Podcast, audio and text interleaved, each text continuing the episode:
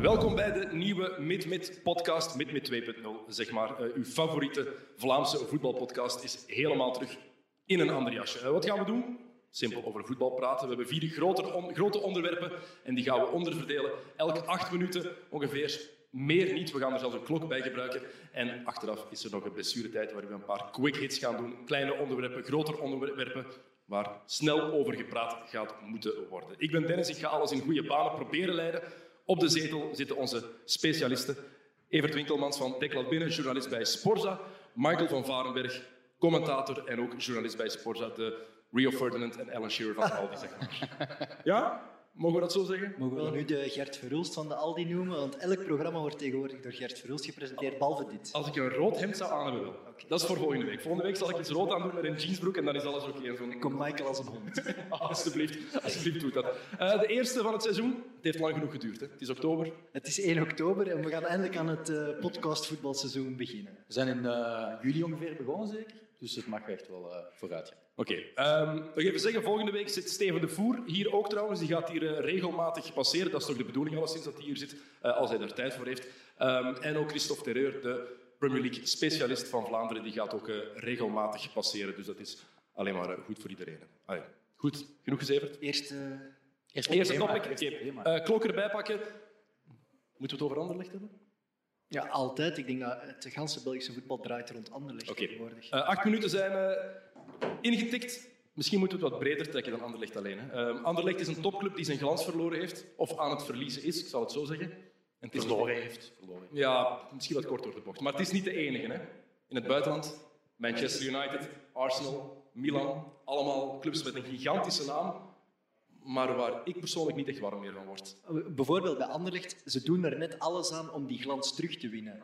Alleen de manier waarop dat ze het proberen is voor iedereen wat aftasten en zoeken. Ik denk dat die grote clubs dat ook Ze willen allemaal terug naar eh, dat ze nummer één waren in hun land, maar de manier waarop, ja, het is moeilijk. Het idee nogthans bij Anderlecht is mooi. Hè? Romantisch voetbal brengen. Romantisch voetbal brengen. Is toch zo? Waar je voor naar het stadion wil komen, spectaculair voetbal. Maar toen het bekendgemaakt werd dat ze het zo gingen proberen met heel veel jonge jongens, puur vanuit het balbezit, uh, heel veel mensen in de 16 proberen krijgen, een beetje Ajax kopiëren, Manchester City een beetje bij betrekken, dan dacht ik, wauw ja, maar ze leggen de lat te hoog. Maar je wist, toch, voor, je wist toch op voorhand al ergens... Na drie wedstrijden was nog altijd iedereen wel van mening van, oké, okay, ja, Company blijft proberen en dat siert hem en hij moet dat blijven proberen. Maar nu is het wel een beetje omgeslagen, toch? Nu is het van, oef, toch uh, misschien niet het juiste spelersmateriaal en toch meer resultaatvoetbal moeten beginnen prediken. Terwijl ik zoiets heb van, nee, blijf gewoon halstarrig doen wat je wilt doen. En dat gaat wel echt goed komen, maar je moet blijven geduld tonen. En dat zal uh, moeilijk zijn voor het bestuur. 6 op 27. Geduld tonen, allemaal goed en wel. Is er iemand in het Belgische voetbal die dit niet had verwacht? Maar dat, het had gekund, denk ik, had het, had het vorige jaar nog redelijk meegevallen. Maar ze hebben daar geen Europees voetbal gehaald, wat de eerste keer was in een immens lange periode. En als je dat dan dit jaar opnieuw moet slikken als supporter, dat dat te veel wordt. En ze krijgen nu de angst van oei, het wordt weer van dat. En dat is gewoon te veel, denk ik. Dat, dat wist iedereen. Daarom dat ik een beetje schrik. Op voorhand wist je toch niet dat Anderlecht bij wijze van spreken tegen de degradatie ging moeten voetballen? 0-0 tegen Beveren thuis, dat had ik niet voorspeld in juli. Nee, ik ook niet. Had je dat vorige week voorspeld? Ja, dan weer wel. Dan weet je dat elke match is nu moeilijk. Nu moeten ze naar Charleroi, dat gaan ze waarschijnlijk weer verliezen. En het feit dat ik zeg waarschijnlijk is wel heel pijnlijk voor Anderlecht. Ik heb al heel veel dingen gehoord. Het is de schuld van Company, het is de schuld van Davis, het is de schuld van het bestuur. De spelers zijn niet goed genoeg.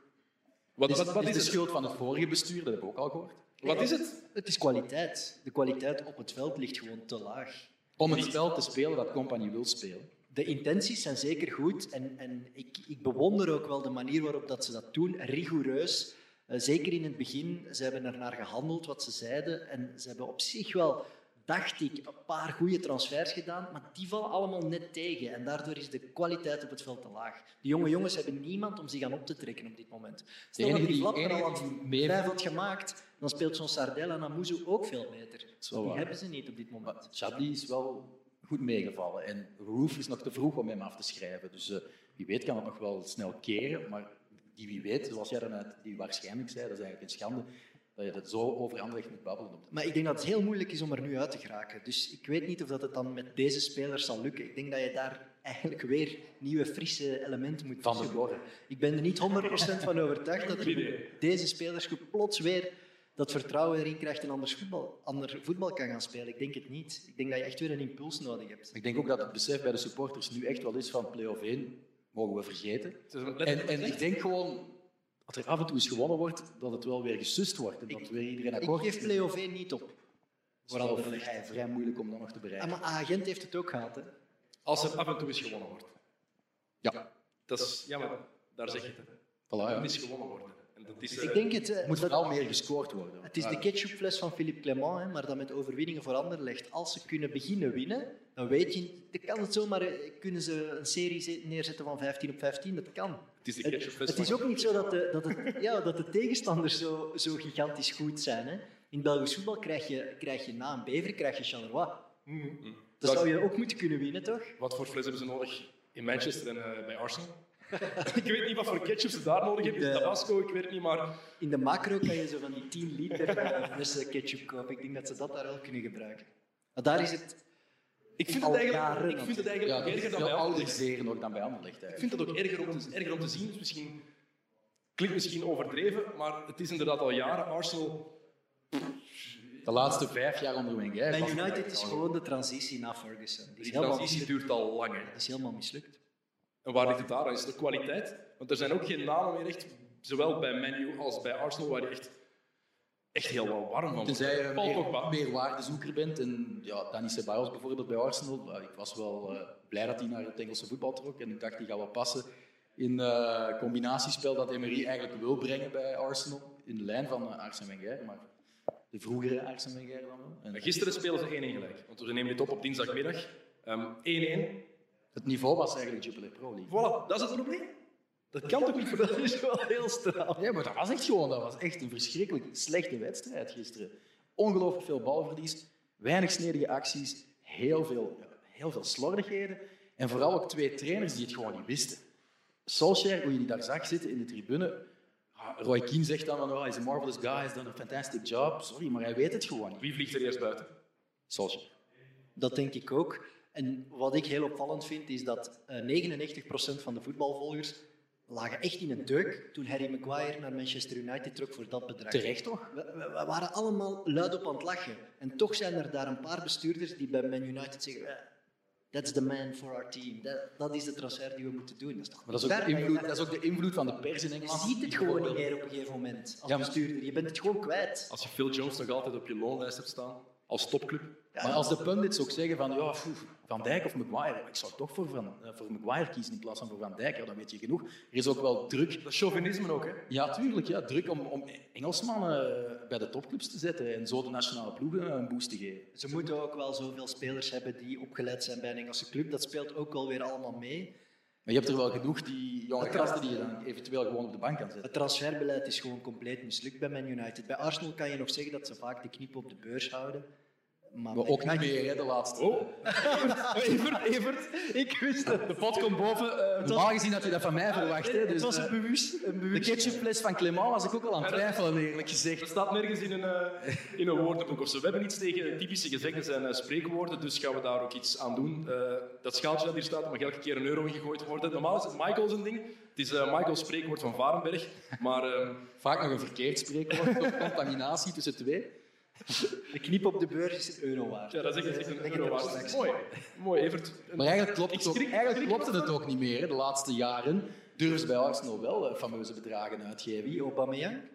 Aubameyang zal wel wat gekost hebben. Je hebt Chaka, die eigenlijk ook al eh, tegen de 40 miljoen euro waard was. Het 40 miljoen is niks meer tegenwoordig. Nee, maar voor Granit Chaka is dat wel serieus. Komen, komen de toppers nog? Hè? Stel, je wil echt een van de, de, de top 10 uit de wereld gaan halen. Ik denk niet dat Man United de, de eerste bestemming is voor die gasten. Die komen gewoon niet meer. Nee, 56 miljoen pond, Aubameyang. Ja, en je hebt nog Nicolas Pepe, dat was denk ik ook 80 miljoen of zo op dit moment. En die lijkt ook eh, niet echt zijn draai te vinden. Die was gisteren verschrikkelijk. Terwijl een- een Van Dijk, een Mané, die, die kon je wel gaan halen op een gegeven moment voor weinig geld. Mm. Is alleen welke speler breekt door. Voilà, acht minuten zitten erop. Ik heb nog één vraag over die beide ploegen, want we hebben het niet over Milan gehad. nu. Maar dan zijn we echt nog een kwart. Fok de klok. Soms kunnen we de klok fokken en kunnen we even doorgaan. Dus ehm, we zullen er een paar minuutjes bij doen. Wie moeten ze halen bij Man U of wie bij Arsenal? Wat voor type speler? Ik zou eerder zeggen, wat voor type coach? Misschien dat daar eh, het grootste... Bij Menu, bij Menu blijf je zonder spits zitten. Hè. Of er een nieuwe trainer komt of niet. Ja, maar ze Blijf- hebben nooit Lukaku mogelijk. Blijft Marcus Rashford die daar staat, hè. zonder echte backup. Ik had voor United bijvoorbeeld wel durven gokken op Jovic.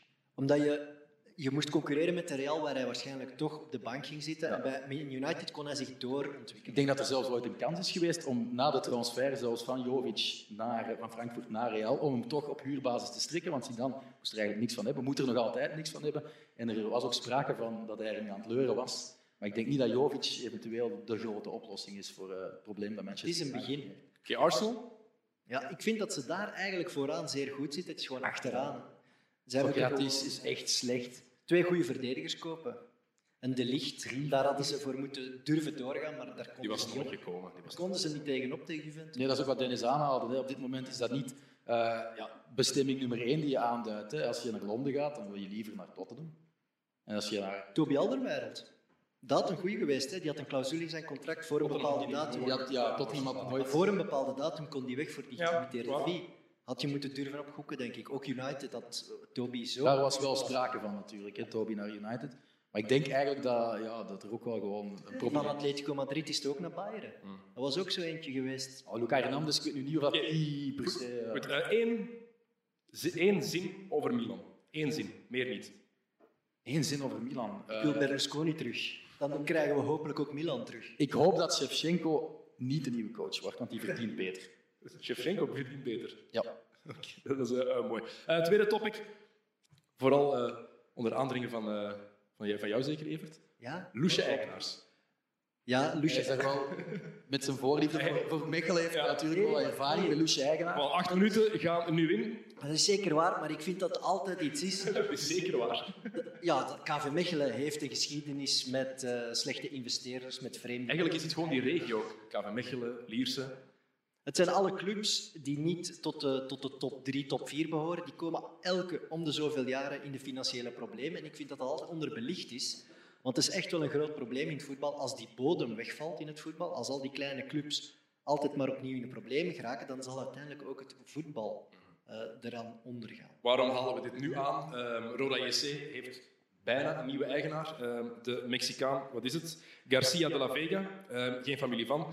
Die zou die ploeg uit de schulden moeten helpen, zou ze helemaal terug financieel gezond moeten maken, maar dat blijkt totaal niet aan de orde. En de supporters die zagen die dit weekend zitten, tijdens de rust hebben ze die gewoon uit het stadion gezet. De supporters hebben die nieuwe potentiële eigenaar echt gewoon uit het stadion gezet voor de beelden. Kijk naar eh, Voet vooruit. Gisteren. Af en toe moet je zoiets droppen. Oké, daar zijn Friends of Sports voor. Ehm, maar dat was ook ongelooflijk maf om te zien, toch? Bij Roda JC, alle supporters die letterlijk de Jawel, nieuwe ik heb het, eigenaar eh, vastpakken en buiten zetten. Ik heb het één keer live meegemaakt met onze technisch directeur, Aten Mos. Die werd door de harde kern het stadion uitgejaagd. De Instagram-koning van eh, 2019. Zijn, zijn Jaguar werd aangevallen op dat moment en hij is daar weggestoven met gierende banden. Dat was ook zoiets soortgelijks. Fysieke bedreiging ook wel, ja. Ja. Want eigenlijk, ik snap wel dat eh, die Mexicaan nu stappen wil nemen, juridische stappen. Hij, hij spreekt ook over... Ah, kom op, jongen, dat is een gangster. Ja, toch een niet gangster, beschermen? maar dat is toch wel ah, dat is intimidatie. Die wil die- die wil- Veel aan intimidatie. Nee, maar die gast die komt er met één doel en dat is die club nog meer geld daaruit te trekken. Nog meer geld. Die zit op een keichic hotel, die laat zich vervoeren met keichique wagens, die stuurt al die facturen naar Roda JC. Nu wil hij 250.000 euro van de club om te verdwijnen. Hij eist geld van Roda om weg te gaan. Dat is toch een schande. Waarom zou Roda hem dat moeten betalen? Omdat ze anders met een heel groot probleem zitten, want zolang hij er zit, Pure chantage. maakt hij de put alleen maar groter. Maar dat is puur chantage. macht in handen. Hè? Dat is toch erg? Dat is een schande. Zo'n mensen, dat is echt een schande. En ze waren gewaarschuwd, want hij heeft bij Murcia net hetzelfde gedaan. Ja. En die, die Spanjaarden hebben allemaal zitten bellen naar, naar Nederlanders om te zeggen, pas daarmee op met die gast. En toch ga je daarin mee, omdat je als club... Ja, wie gaat er naar Roda JC met een zak geld? Hè? Het zijn alleen maar van die loesje figuren. Maar binnenkort bestaat Roda JC mogelijk niet meer door zo'n figuren. En Er er zijn heel wat Belgische clubs die eigenlijk hetzelfde probleem kunnen hebben. Hè? Of al. Of al hebben. Ja, Bijvoorbeeld, ja, bijvoorbeeld Racing Mechelen eh, had een fantastische voorzitter, Fons Rooms, echt een gewaardeerde zakenman. Die heeft gewoon in de gevangenis gezeten omdat hij Georgiërs had toegelaten in het bestuur van de club en die daar natuurlijk met maffiageld eh, aan de slag gingen. Dat is, als Belgische club trap je daar ook in. Hè. Al die clubs in 1B die zijn allemaal ten dode opgeschreven en alle clubs in de kelder van 1A ook. Ja. We gaan niet zeggen dat er aan de top van 1A dat daar ook niks louche gebeurt. Maar op een andere manier. Op een andere manier. Daar is het niet om- minder legaal. hè? Daar is het om een Maar, beetje maar we moeten ook wel oppassen dat we niet xenofoob eh, overkomen natuurlijk. Hè? Want er zijn ook voorbeelden waarin het wel werkt. hè. Misschien niet bij OA Leuven, maar dan wel weer bij- Leicester, waar uh, Srabadan Apraba, de overleden... Dat is wel een van de uitzonderingen. Het is gewoon, als je dat objectief bekijkt, is dat zo. Hè? In de kleinere landen hè? heb, ik, heb ik het daarover. Hè? Ja, ik weet, Premier League mag je niet vergelijken met nee, ik weet het, maar zoals bij Kortrijk, waar Vincent Tan ja, toch ook voor een nieuw elan heeft gezorgd van een club die heel, heel veel financiële problemen had. En nu wil die opnieuw verkopen en dat zal Voilà. wel voor nieuwe problemen Maar zorgen. dat is het probleem wat je nu zegt. Hij wil het niet verkopen. Ja, die wil inderdaad winst maken en daar is niks mis mee. Roland Duchâtelet heeft daardoor ook al die clubs gekocht en een klein beetje verneukt tussen aanhalingstekens. Hè. Maar Vincent Tan heeft tot nu toe het voordeel van de twijfel, maar op lange termijn zit Kortrijk daar met een groot probleem. Als ze geen Daar ben ik van- vinden. Daar ben ik van overtuigd. Het gaat, het gaat puur over het feit dat er gewoon mensen zijn die investeren, maar die totaal niet om die clubs geven. Er was een fantastisch interview in Sportvoetbalmagazine met de nieuwe eigenaar van eh, Lommel. Dat is een Israëliër. En Dat was, eigenlijk een stroomman van Pini Zahavi. dat was vroeger de zakelijke advocaat van Pino Zahavi. En die zegt gewoon letterlijk eh, in Sportvoetbalmagazine waarom hij Lommel overneemt. Omdat er geen gedoe is in België. Ze vallen hem niet lastig met moeilijke vragen. Er is geen, geen controle op waar zijn geld vandaan komt. Er is niemand dat het controleert en die vindt dat zelf fantastisch. Dus die, Natuurlijk vind ik dat en fantastisch. er is geen controle op buitenlandse spelers. De, loon, de loonnormen in is België zijn lachwekkend. probleem. Die man heeft een academie in Gambia, die heeft daar drie Gambianen neergezet. Die hebben nog nooit met, met echte voetbalschoenen gespeeld en nu moeten die lommel naar de top brengen. Dat is gewoon lachwekkend. En die man legt dat allemaal open en bloot in sportvoetbalmagazine. Trouwens, het enige sportblad in België dat er af en toe nog aandacht aan besteedt. Sponsoring. Niemand reageert daarop. Niemand. Maar Lommel is eraan, hè? Lommel gaat weer verdwijnen, opnieuw verdwijnen. Weer zo'n mooie Vlaamse volksclub die verdwijnt, omdat het Belgisch voetbal dat niet belangrijk is. Hebben we eigenlijk wel iets geleerd uit de affaire Zegnier? Nee, niks. En er gaan weer nieuwe affaires komen en er gaan weer nieuwe... Er gaan weer clubs verdwijnen. Die Ik stam wou net zeggen, het is een structureel probleem. Het begint allemaal bij de instanties, hè, bij de voetbalbond, die dat nog altijd toelaat en weigert om ja, gewoon wetten of zo te maken of regels te maken, zodat het allemaal wat moeilijker is. Wetten of zo te maken. Nee, maar ik bedoel, het is allemaal zo gemakkelijk om, om, ja, om redelijk uh, dingen te beginnen. België is, een, België is een fantastisch land om, uh, om spelers te stallen en dan weer door te, door te sassen naar andere, andere landen, omdat de loonnormen bij ons zo laag zijn en omdat er geen controle is op de geldstromen. Maar wat natuurlijk wel zo is, uh, is dat op lange termijn is Belgisch voetbal zit daar met een serieus probleem, want in geen enkel ander voetbalwaardig land is het probleem zo groot als bij ons. Hoe los je dat op? Dat is de vraag. Meer macht aan de supporters? Ik denk, ja, ik ben daar op zich wel voorstander van, maar ook we moeten, die redrace in het voetbal moet naar beneden gehaald worden. Die kleine clubs kunnen niet mee. De lonen van al die voetballers die, die worden te hoog.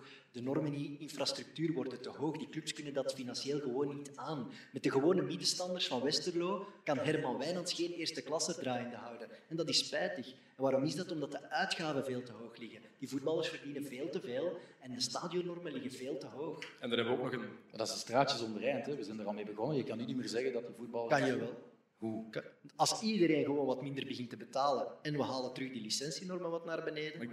Ik denk ook wel dat het onmogelijk is om uit te voeren in de praktijk. Ineens te zeggen, nu gaan we minder betalen aan de spelers. Nou, dan krijg je dat een... werkt gewoon niet. Krijg je dan krijg je altijd van die zotten die het toch doen. Initieel is dat een goed idee, hè?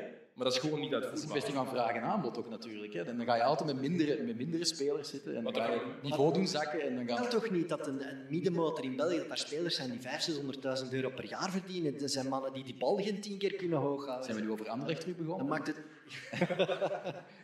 nee, maar dat kan niet, dat klopt gewoon niet. Die uitgaven liggen gewoon veel en veel te hoog. Eh, wat ook een bijkomend probleem is, het tv-geld in België is niet het, grootste, eh, niet het hoogste eh, getal van, eh, van Europa, dat weten we, maar dat de topclubs dat die meer tv-geld krijgen dan de mindere grote clubs, dat vind ik de grootste onzin. Maar dat is niet alleen in België. Hè. Dat Ja, maar we hebben het nu over België. Het maakt niet uit dat het in andere landen ook zo is. Het gaat over België. Verdeel dat eens eerlijk. Ja, Heel simpel. ook. Maar deel dat door 16, klaar. Door 24. Als je dan toch zegt dat 1B een profcompetitie is... Ja, maar die hebben een ander, die hebben een ander, televisiecontract, dus dat, dat telt niet, vind ik dan. Die zit op eh, andere zenders, dat is anders. Smijt dat dan samen. Maar ik, vind, ik geef u daar volledig gelijk in, Dennis. Waarom, waarom zou je dat, daar een onderscheid in maken? Waarom zou je de rijke clubs nog meer geld geven? Waarom? Omdat ze meer betekenen voor de competitie? Sorry, Ik snap dat solida- onzin die hier bestaat. Ze noemen dat dan solidariteitsprincipe, maar er is geen solidariteit. Ja, lap. Wij beginnen nog over supporters hebben en over Cercle Brugge. En, eh, Eh, we gaan het over trainers hebben. Eh, topic nummer drie, trainers. We houden allemaal van lijstjes. Wij sportliefhebbers. Ja? Zijn wij Newsmonkey? bestaat dat nog? Reclame. Wat is er al geweest? Een sportvoetbalmagazine, een abonnement graag, een Nieuwsmonkey. Wouter Verschelde zal blij zijn. Oh goed, we houden dus van lijstjes, blijkbaar. Ehm, de beste trainers in 1A Op dit moment. op dit moment. Misschien mooi om eens een lijstje op te maken. We zitten hier met een notoire KV Mechelen supporter. Ja, en die zet Wouter Franke waarschijnlijk op één. Maar ik, Ik wil eigenlijk wel weten, waar zit je Wouter Franke? Gewoon dat al. We hebben er al een klein beetje over gediscussieerd. Klein we zaten en eigenlijk... Deze podcast gaat uitsluitend over KV Nee, dat is niet waar. Dat is niet waar. Maar ik kan u objectief uitleggen waarom hij toch wel zeker in de top 3 mag staan. Wat die man gepresteerd heeft vorig seizoen was fenomenaal. Die heeft in de meest moeilijke omstandigheden een waanzinnig parcours gereden. Die heeft die club kampioen gemaakt en die heeft de beker van. België gewonnen. Terwijl de grootste crisis boven die club aan het losbarsten was. Ik vind dat knap. Dus ik vind dat die zeker niet mag vergeten worden. Oké, maar dat is los van zijn kwaliteiten als trainer nog echt. Je, het is people management eigenlijk meer, maar ook op, op het terrein. Dat is, er de ook bij enige, de grote tacticus. dat is de enige vraag die je nu nog kan stellen. Dat is de stap die hij zelf moet maken. Het is een heel goede people manager. Maar kan hij tactisch het verschil maken? Dat gaat de tijd ons moeten leren. Dus? En hij kan ook nog wel wat doen aan zijn eh, charisma. Maar dat is natuurlijk een beetje aangeboren. Maar je moet, wel, natuurlijk. hè. je moet er staan als trainer. 16 ploegen, 16 plaatsen. Waar zit jij Wouter Franke? Als trainer. Ja? Ik heb alleen maar een top 5 voorbereid. Dennis. Ja, ik denk Hij de KV Mechelen. Trainer ergens kunnen ja, zetten. twee of drie, na Clément en Prudon. Oké, dus bij jou 1, 2, 3 is dan Ja, Clément, Predom, Franke, Clément, Franke, Prudon. Voilà. Michael. Eh, we hebben iets gemeenschappelijk. Uh, Clément op één. Eh, en dan zet ik uh, Jes Torp van, eh, van eh, Gent. Je had het net over een gebrek aan charisma. Torp heeft absoluut geen... Even, even terug, even terug. Allebei Clément op 1. Waarom? Ja, ik, Ik vind vooral het contrast met Clément als speler en ook als assistent van, eh, van Michel Predom. Ja, dat had hij zoiets. Grijze muis zal wel waarschijnlijk à la Predom berekend voetbal brengen. En dat doet hij totaal niet. Hij gaat altijd uit van het voetbalprincipe, over de grond combineren en zelf het spel maken. En ik denk ook dat hij dat eh, tegen Real zal proberen, ook al krijgt hij dan misschien ja, pak voor de broek. Maar Clément, Pas op, pas op. Blijft Real van u. ja, Maar ik ben eigenlijk tegen mezelf aan het eh, praten, want ik vind... Clément was eigenlijk niet initieel mijn nummer één, omdat ik vind hij heeft gewoon de sterkste ploeg. En met de sterkste ploeg op één staan is niet zo moeilijk. Iedereen wordt met dit Brugge kampioen. Maar toen dacht ik, ah ja, Beveren. En daar deed hij het ook vrij goed. Bij Genk vorig jaar heeft het ook. Ja, maar had hij het beste middenveld, hè, veruit. Ja, dat was wel een waanzinnig goede ploeg. Dat was een ik waanzinnig. ben nu wel een hoop. Hè. Een van, Dus, eh, een van, ja, absoluut. Maar als de Brugge nu geen kampioen wordt, dan sta je gewoon mooi. Hè. Maar de kapitein vertrekt net voor play-off 1 vorig jaar en hij vindt ook zit Jean-Pierre van der Velde bij dit Club Brugge en die worden ook kampioen. Daar ben ik 100% zeker van. Dus gewoon, zet de beste elf spelers op het veld. Zet George Lekes hier, de George Lekes van toen hij net naar de club ging. Is club dan kampioen? Ja, zeker weten. Man.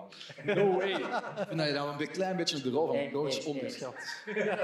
Als je zegt, zet gewoon de elf beste erop en dan... Anders zou, zou Arsenal toch ook beter eh voetballen? Als je, als, je ervan uitgaat, als je ervan uitgaat, zet gewoon de elf besten op het veld en that's it. Nee, coach kan nog een extra meerwaarde hebben. Ja, maar ik, de kern van Brugge steekt er nu echt tot bovenuit. Er is ook niet echt een, een concurrent op dit moment. Gent, Antwerpen. Ja, maar die hebben niet de breedte en zelfs niet in de diepte zoveel. Oké, Clément op 1. Simpel. Michael, Torp op 2. Ja. En eh, mijn nummer drie is... Nou, Torp op 2, even terug, Ja. want het is... Waarom? Waarom? Gent vorig, vorig seizoen, dat moet ook meegeteld worden. Ik werd, ik werd daar niet, niet van weg. Oh, ja, ik werd daar ook niet van weggeblazen, maar Ja, je zegt dat hij de op één na beste trainer is. ik vind van wel. Ik vind dat hij gewoon eh, een ontzettend goede people manager is. Nee, ik vind echt dat Torp, eh, wat hij doet met eh, Gent, is ook wel echt wel... Hij laat die... Maar kijk naar die selectie. Ja, wat hij nog allemaal op de bank heeft zitten.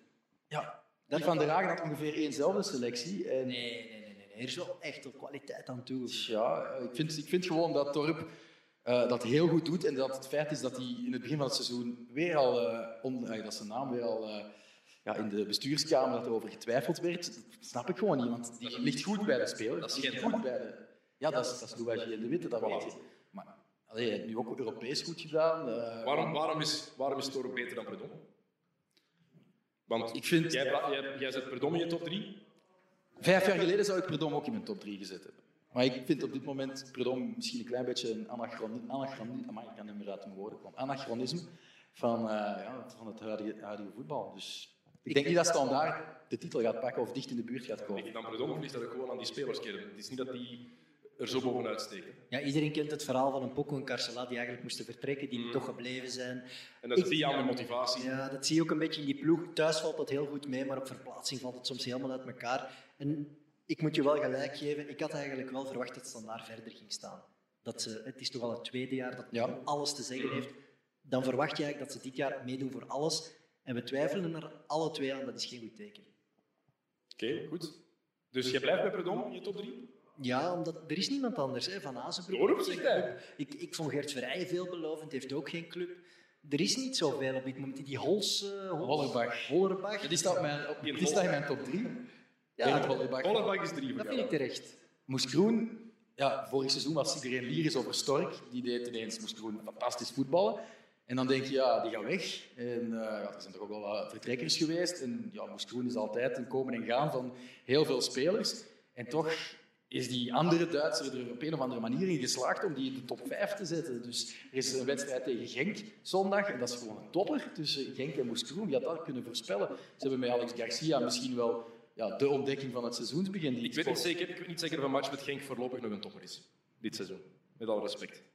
Ze gaan wel play-off 1. Ja, dat, Bereiken. dat, is- dat is ook ver. Ten koste van Op anderen. dit moment is Genk geen. Maar jij zit eh, elk weekend bij Play Sports te presenteren met heel wat trainers die geen club hebben. Wat vinden zij daarvan? Zo'n Ariel Jacobs, en Jackie Matthijssen, Erik van Meer. Ik heb, nog, ik heb nog nooit gevraagd, maak eens een lijstje met Die de komen- Misschien dat. Maar die komen allemaal niet aan de bak door zo'n onbekende Duitsers en door zo'n Torp die bij Gent zit. Vinden die dat leuk of, of zijn die daar jaloers op? Zijn die Inge kwaad? Berichtsen bij Oostende. Inge Berichtsen. Of van ergens. Ja, de, de Belgische trainers hebben het wel moeilijk om hun, om hun plaats te claimen. Ja, het is zo. Goed, eh, jouw top 3 weet ik, die van jou ook. 4 en 5. Ja, ik zet die... die... Hollerbach. Hollerbach. Berend Hollerbach. Op 4. Ik zet Hollerbach op 4 en dan eh, zet ik... eh, ja, toch Torp op 5, denk ik. Ik, ik heb nog eh Van Oostende. Inge Berichtsen. Ja, die krijgt het voordeel op 5. Omdat hij gewonnen is van Anderlecht en nu een punt heeft gehaald tegen Antwerpen. Omdat ik daar ook wel een systeem in zie. En ik vind het ook knap dat hij die twee Het jonge systeem? jongens op rechts blijft. Ja, Bataille en Dazen, dat is wel waar. Maar het systeem is eigenlijk gewoon een doorslagje van wat Solly het vroeger deed. Hè. Dus eh balbezit aan de tegenpartij. Goed, Michael, 4 en 5 van jou. Oké, ik word even onderbroken. Eh, nee, ik heb, 40 eh, seconden en dan grote- gaat af. Hè? De grote Laszlo Beleuni wordt even vergeten door, eh, door Evert. En eh, ik heb ook Wouter Franken in mijn top 5 staan. Oh, Ja. KV Mechelen liefde. Indoctrinatie is begonnen, jongens. Het bij het aflevering seizoen 1 gaan we te veel, te veel ruzie maken natuurlijk. Felicia, ja, ik- de discussie Felicia Mazou is uit die top kan 5 het zeggen. getuimeld. Is hij ooit top 5 geweest? Jawel. Jawel. Jawel. Wat hij zeven jaar bij Charleroi heeft geweest, dat is echt enorm. Dat is echt enorm. Het is dat Charleroi altijd zo'n goed voetbal bracht. Nee, maar... Voilà.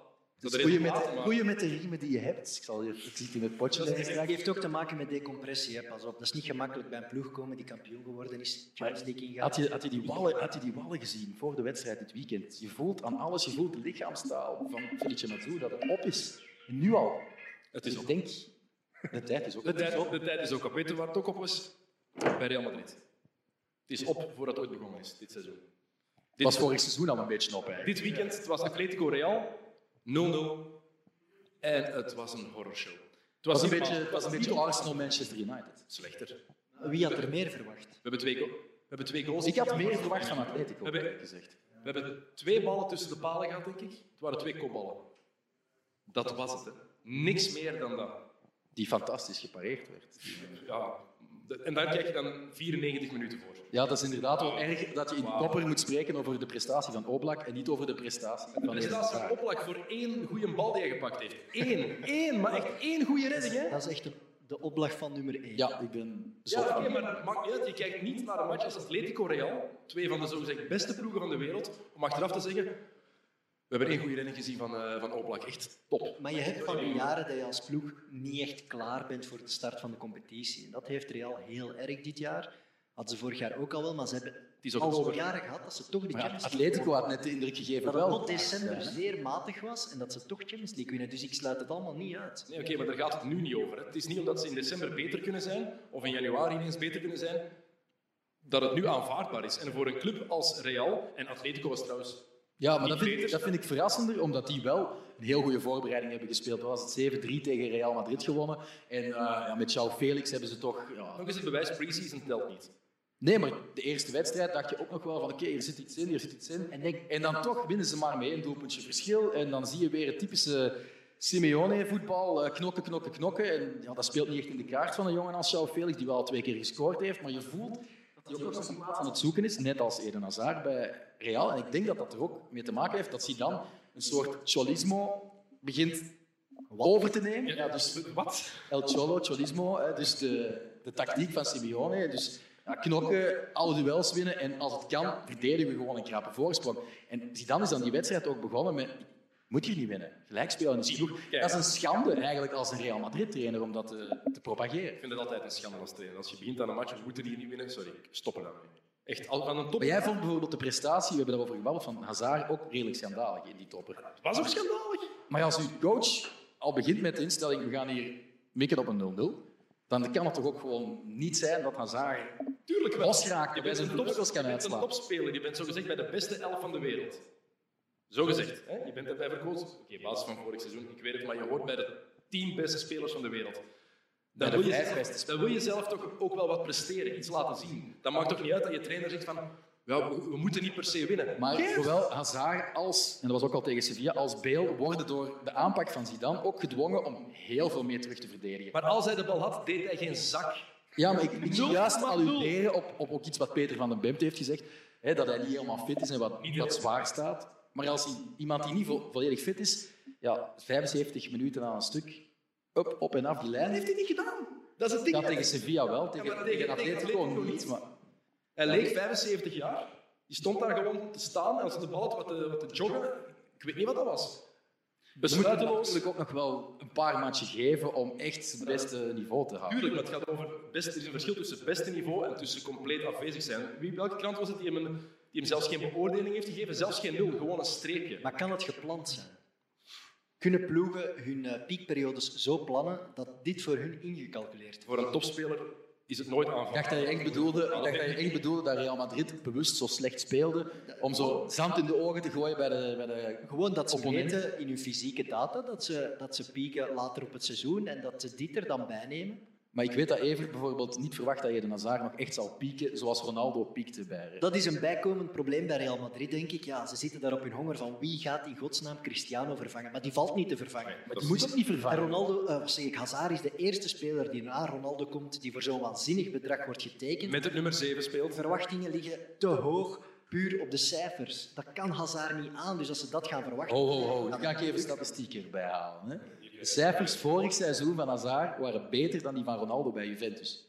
Ja, oké, maar ik praat over... De... En dan heb ik het niet alleen over doelpunten, want Ronaldo had 21 goals en Hazard maar 16. Weliswaar in de Premier League, toch ja, competitie die veel mensen misschien hoger inschatten dan de Serie A. Maar hij had ook 15 assists. Hij was de assistkoning. En ik denk dat je Hazard in die rol moet duwen, in nog meer goals aanleveren voor Karim Benzema en voor mensen uit het middenveld die eigenlijk ook gewoon hun gewone niveau niet meer halen bij Real Madrid. Modric, Kroos, zijn niet meer dezelfde voetballers van weleer. En ik denk dat die ook een paar maanden samen voetballen met Hazard nodig hebben, voordat Hazard effectief zijn beste zelf kan zijn, zijn beste altruïstische zelf. Hij gaat er nooit 50 maken, Mike. Hij, moet, nooit. hij, moet hij gaat er misschien wel een voet hebben in 30. En dat denk ik dat voldoende is Nee, voor dat is niet voldoende. Voor de, in de ogen van de supporters hè, is dat niet voldoende. En dat is, je kan niet op tegen Ronaldo en Messi, dus voor Hazard wordt het gewoon heel moeilijk. Real had gewoon nog twee hele goede spelers moeten kopen. Wie dan? Want Pogba, bijvoorbeeld, die ook genoemd werd, die gaat ook niet die cijfers halen. Hè. Een totaal andere positie. Maar die kan, die ze moeten kan de halen. ploeg wel weer een nieuw elan geven. Ze hebben Jovic gehaald, ze hebben die Rodrigo gehaald, ze zitten met Vinicius. Zijn dat, maar zijn dat geen gasten die dan meer kansen moeten krijgen? Tot Hazard zich Vinicius? Vinicius krijgt veel kansen en Vinicius werkt aan een verschrikkelijk percentage af. Ik zie hem heel graag voetballen. Het is een samba-voetballer, dat is fantastisch. Maar ik denk zelfs dat Rodrigo, die ze nu gehaald hebben, dat die potentieel nog sterker gaat zijn dan, dan Vinicius. En die krijgt weinig kansen. Haal een Salah, haal een, ja, bij, bij Man City haal daar iemand op. Haal echt iemand op waarvan je weet, als we die halen, die haalt zijn cijfers. Je moet Hazard beter omringen. Op Maar kan je als, als Florentino Perez zijnde bij Man City aankloppen en zegt ik wil Sterling? Ja, die gaan zeggen nee. Real kan kopen wat ze willen. Die zitten op een zak geld, die hebben jaren niks uitgegeven. Ja, City de zit grootste club ter wereld. Ja, voilà. Nee, ik denk, dat, ik denk dat Real het wel kan, maar dat ze gewoon op dit moment niet willen. Of dat ze hadden gehoopt dat dit voldoende was. En Ik denk vooral dat laatste, dat, dat is belangrijk. Dan hadden gehoopt dat dit voldoende was. En waarom zijn wij zo streng voor Hazard? Dat we weten wat zijn kwaliteiten zijn. En omdat wij ook meer verwachten. Het is niet, ik had niet verwacht dat hij al tien keer gescoord zou hebben. Maar wel dat hij iets zou Maar er zijn verzachtende omstandigheden. Hij is lang geblesseerd geweest. Hè. Ik bedoel, Voor geef hem nog vijf wedstrijden. Voor de allerbeste spelers van de wereld zijn er bijna nooit verzachtende omstandigheden. Als je hem Voor Messi dit seizoen is er ook een verzachtende omstandigheid. Ik heb u Messi al duizend keer horen goed praten in elke test die we Dus dat Maar is jij zei, echt... Zidane haalt nieuwjaar niet. Ja, ik ben ervan overtuigd dat, dat er gewoon... Zidane, zijn tweede periode, daar, daar klopt iets niet. Dat, dat zit niet goed, dat zit niet goed in de kleedkamer.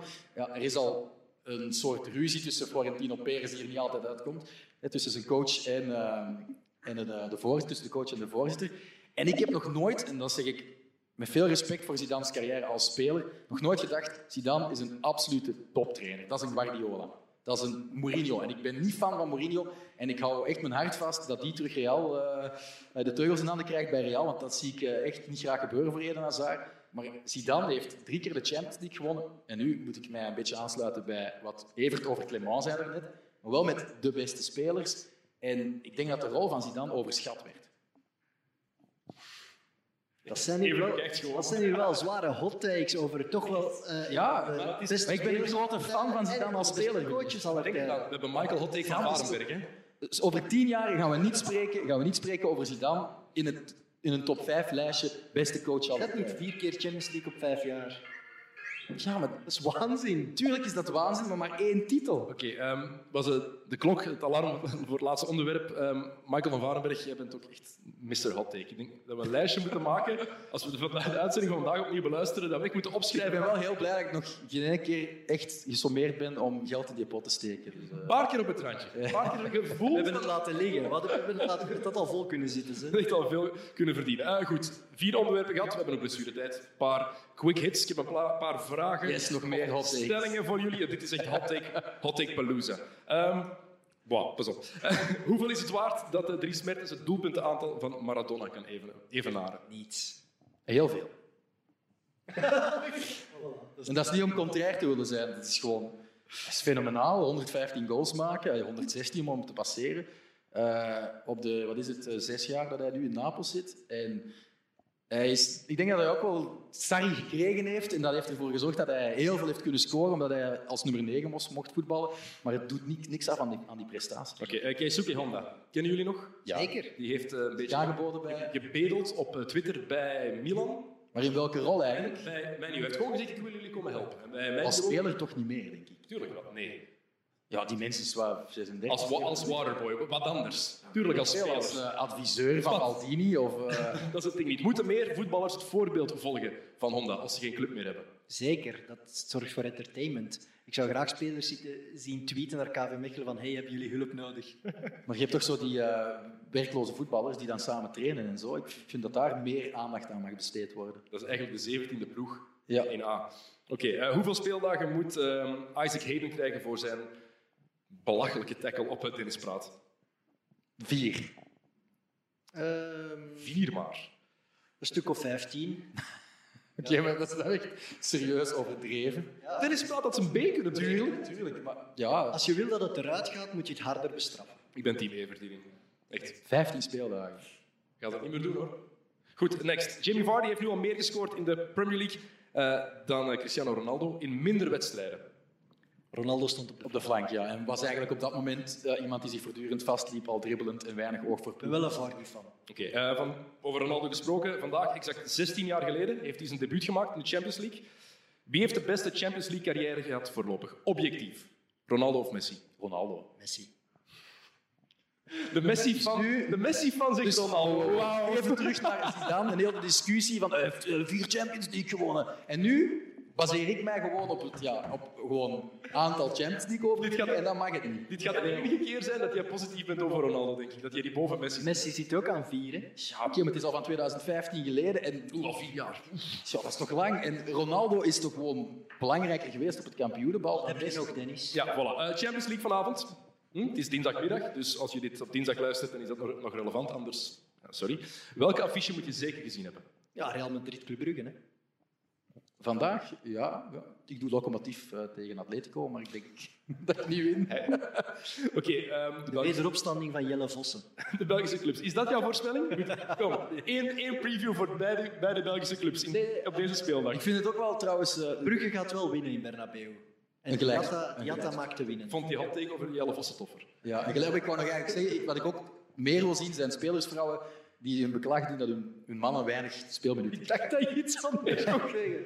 Jij dacht over de lengte van iets of zo. Oké, okay, Genk, daar één voorspelling over? Ja, die gaan zwaar de boten tegen Napoli. Ja. Saai om te eindigen. Ja, sorry. Mertens maakt een hat en klopt zo Maradona met die statistiek. Ah, voilà. Dan moet hij wel nog Hamsik voorbij steken. Oké, goed. Dat was het. Mannen, bedankt. Eerste met Mid 2.0. Graag gedaan. Zit er uh, al op. Volgende week zijn we terug. Hopelijk met Steven de Voer. Dan zal die ergens op de schoot van een van die mannen kunnen zitten. Of Anders bij ons, hè. Ja, vinden we wel een plekje voor. Um, heel simpel. Tot volgende week.